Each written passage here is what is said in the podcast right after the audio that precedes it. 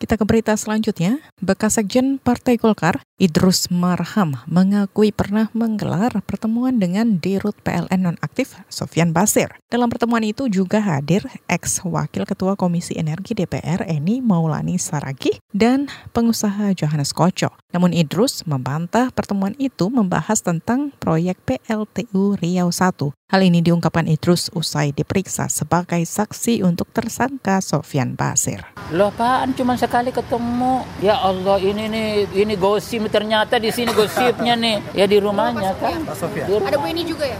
Ada, secara kebetulan ada, tetapi tujuannya itu beda. Saya sudah jelasin. Idrus Marham yang juga pernah menjabat Menteri Sosial difonis tiga tahun penjara dalam kasus suap PLTU Riau 1 namun ia mengklaim tak menikmati uang suap dalam perkara tersebut. Idrus memutuskan mengajukan banding pada 30 April lalu.